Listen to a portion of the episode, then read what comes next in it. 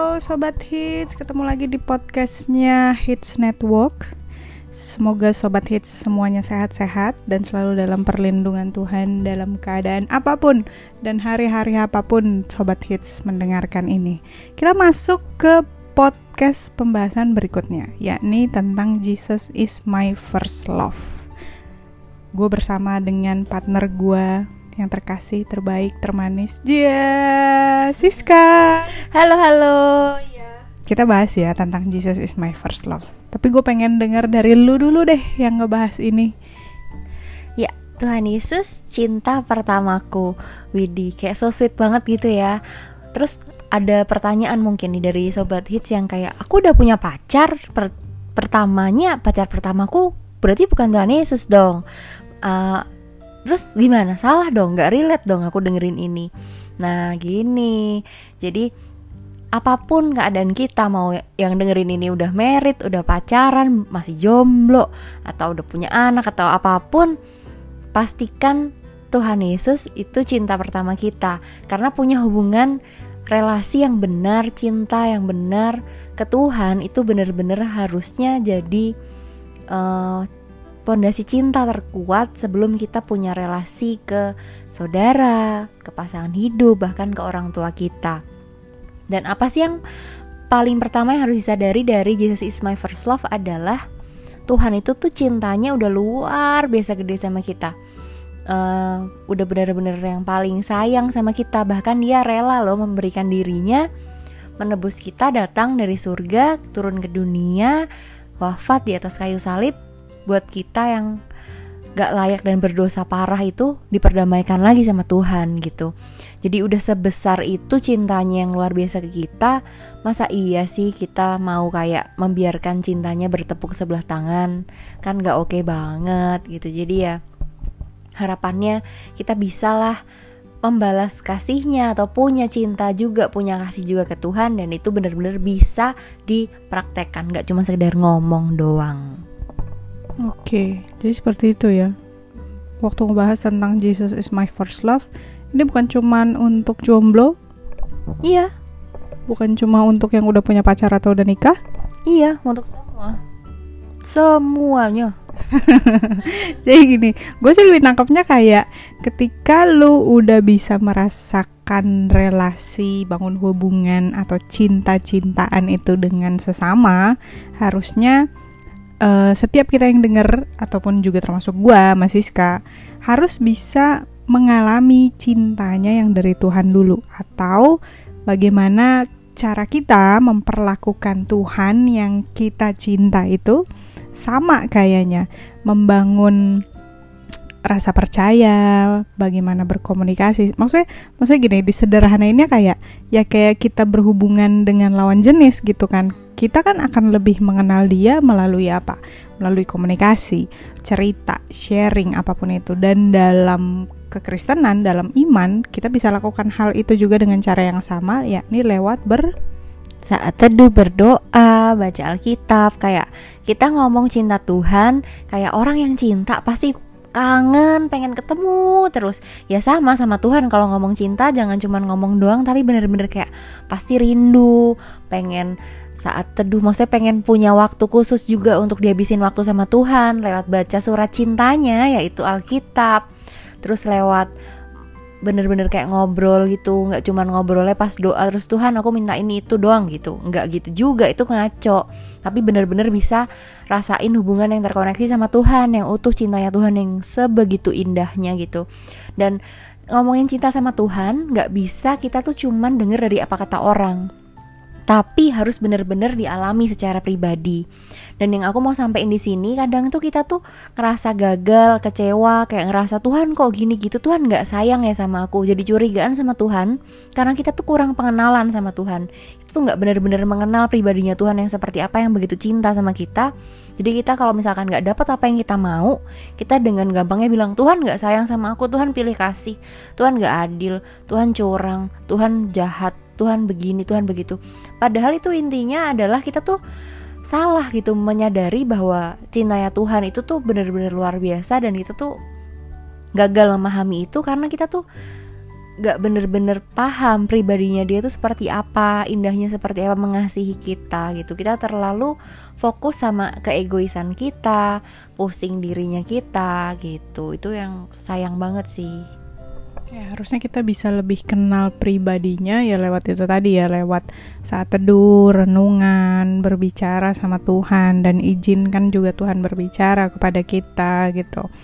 Membangun kepekaan itu kan akan jadi uh, penolong bagi kita sendiri untuk tahu maksudnya Tuhan yang kadang mungkin ketika kita lagi hadapin sesuatu, kita tanya sama Tuhan, Tuhan kok kenapa begini ya? Kok ini kenapa terjadi ya di hidup gua? Padahal mungkin kita nggak pernah tahu kan maksudnya Tuhan tuh buat uh, apa yang lagi dilalui sekarang tuh, oh ternyata ada maksudnya, oh ternyata ada sesuatu di balik itu yang mungkin kita harus belajar, yang harus mungkin kita untuk mengerti, dan itu semua bisa kita rasakan lewat membangun uh, kepekaan. Kepekaan dalam artian membangun hubungan ya lewat doa lewat uh, perenungan mengizinkan Tuhan berbicara membangun kepekaan ya.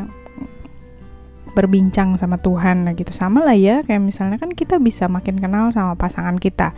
Eh, nggak uh, juga soal pasangan deh kayak misalnya gue masih Siska nih. Kan ketika gue tanya sama dia ketika gue ngobrol sama dia sis lu sukanya makan apa sih gitu?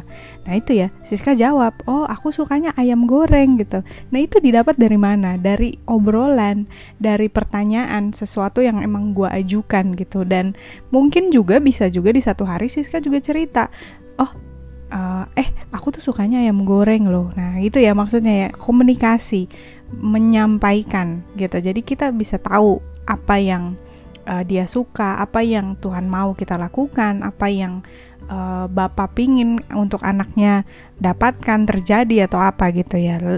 Nah, ngomongin tentang cinta, nggak lepas dari yang namanya juga terluka. Wah, iya dong, masa cinta-cintaan selalu baik-baik aja, masa selalu bagus-bagus aja nggak juga dong.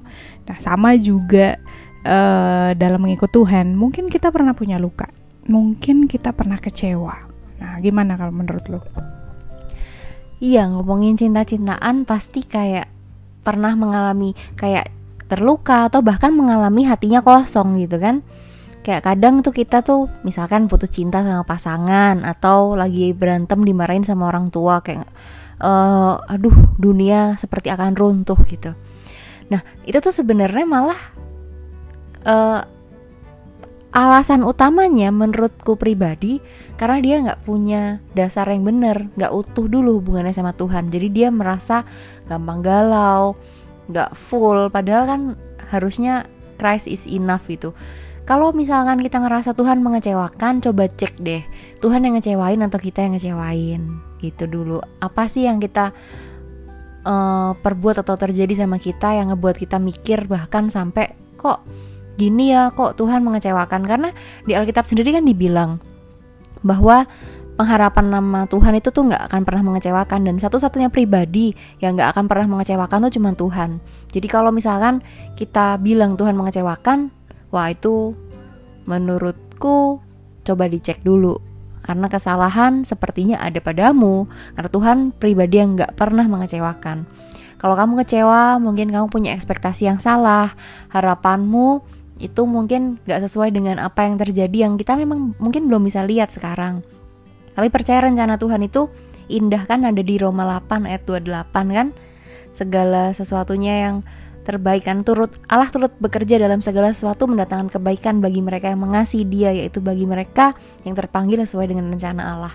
Nah, kalau misalkan kamu kecewa ya mungkin kamu sedang tidak dalam rencana Allah atau kamu sedang tidak mengasihi Dia. Jadi kita nggak bisa lihat hal yang indah itu terjadi atas kita. Ataupun itu belum pada ujungnya gitu sih.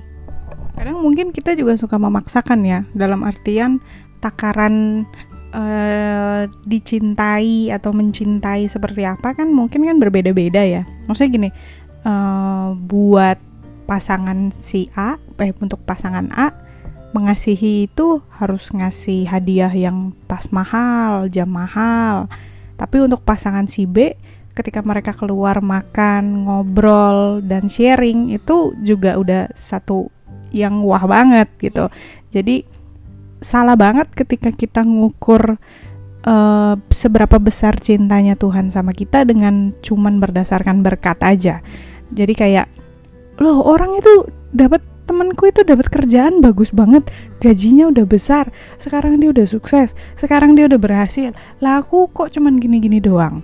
Nah, mungkin ketika hal itu terpikirkan di kepala itu artinya kita udah mulai goyang nih atau ragu atau mungkin lupa bahwa terlepas dari semuanya itu untuk apa yang kita terima atau mungkin bahkan belum kita terima cintanya Tuhan tetap ada kamu tetap dikasihi, kamu tetap disayang sama Bapa, kamu tetap dipelihara Tuhan. Mungkin ketika kita mau nyamain semua level cinta, itu salah mungkin ya.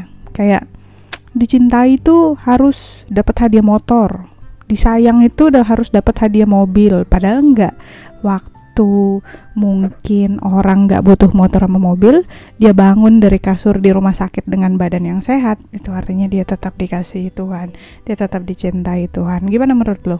So good sih apa yang kamu omongin ini bener banget. Kayak kadang sering kali bahkan kita tuh lupa kalau kita itu diciptakan sama Tuhan itu tuh punya visi atau misi khusus. Kita tuh objek kasih loh bahkan. Jadi Tuhan tuh ciptain kita karena Tuhan tuh adalah kasih dan dia nggak bisa dong mengasihi namanya kasih. Terus kalau nggak punya objek kasih ya yang mau dikasih siapa? Jadi Tuhan menciptakan manusia sebagai objek kasih. Dan kita sebagai objek kasihnya ya harus sadar bahwa kita tuh emang udah bener-bener menerima bahkan segala sesuatu yang terbaik yang bahkan kita nggak layak untuk terima. Kayak harusnya kita tuh manusia penuh dengan dosa. Tapi kita yang penuh dosa ini bahkan ditebus boleh dianggap anak, boleh dekat, dianggap sahabat dan bahkan mempelai Kristus. Itu kan luar biasa banget, indah banget kan? Kayak hello lu siapa? Lu bisa merasa diri lu luar biasa. Kalau bukan karena Tuhan yang melayakkan kita nggak akan pernah bisa kayak gitu. Dan terus satu lagi hal yang luar biasa yang aku perlu ingatkan atau kita sama-sama belajar terus menerus adalah harusnya kita tuh punya kesadaran kalau jangan pernah mau kayak nuntut Tuhan nyenengin kita terus gitu. Tuhan tuh bukan pembantunya kita. Tuhan bukan om jin yang harus aku mau permintaan ini aku punya satu permintaan kabulkanlah ini ya Tuhan gitu. Tuhan bukan om jin. Jadi jangan diposisiin kayak dia harus penuhin semua apa yang kita ingin nih gitu. Gak gitu itu namanya sesat. Tapi malah kita coba deh kayak uh, kita tuh harusnya hidup punya tujuan khusus visi khusus apa sih yang Tuhan mau dalam hidupku? Apa sih yang bisa aku lakukan untuk menyenangkan Tuhan gitu? Jadi bisa saling silang atau kayak balik juga kayak Tuhan aku paling bisa menyenangkan Tuhan dengan cara apa ya? Tuhan paling mau disenangkan dengan cara apa? Kita dengan cara melakukan hal itu kita bahkan telah menemukan panggilan hidup kita loh. Jadi itu hal yang luar biasa juga. Mengasihi Tuhan luar biasa kita pasti akan full dulu gitu. Oke jadi beberapa hal yang penting yang mungkin sobat hits bisa pelajari dari podcast ini adalah ketika kita menjadikan Tuhan menjadi cinta pertama kita, kita akan punya panduan untuk kita bisa mengasihi orang lain atau mengasihi sesama. Lalu berikutnya sama mungkin ketika kita memaksakan atau menyamakan level cinta uh, Tuhan dengan apa yang cuman sebatas kita tahu, kayak misalnya kita punya pacaran, kita pacaran dan ada temennya pacar kita ih dia tuh sayang banget ya sama lu ya. Dia beliin lu jam dia beliin lu tas. Aku enggak gitu. Jadi jangan kayak gitu. Ternyata kebutuhan cinta atau kebutuhan Tuhan tahulah apa yang menjadi keperluan dan kebutuhan kita. Mungkin enggak sekarang kamu tiba-tiba menang dapat hadiah 100 juta di TV mungkin enggak belum.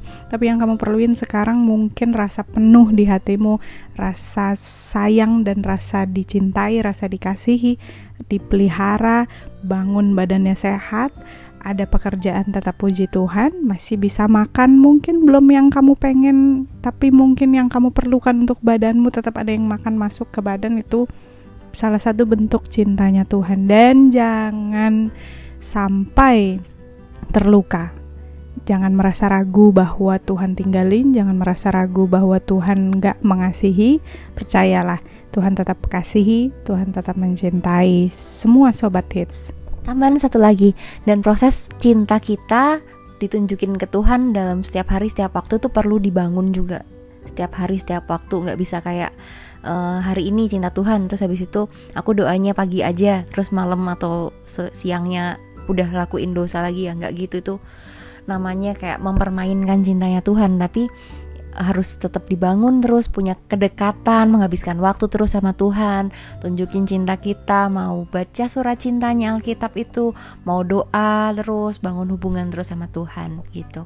Itu aja Sobat Hits. Terima kasih untuk kamu yang udah ngedengerin Dan jangan lupa untuk kasih saran ataupun ide pembahasan atau mau kasih saran buat kami pribadi berdua boleh lewat Instagram ataupun lewat podcast ini. Kita ketemu lagi di podcast-podcast berikutnya. Semoga sobat hits dalam perlindungan Tuhan selalu setiap hari. Sampai jumpa, God bless. God bless sobat hits, maju terus dalam Tuhan. See you.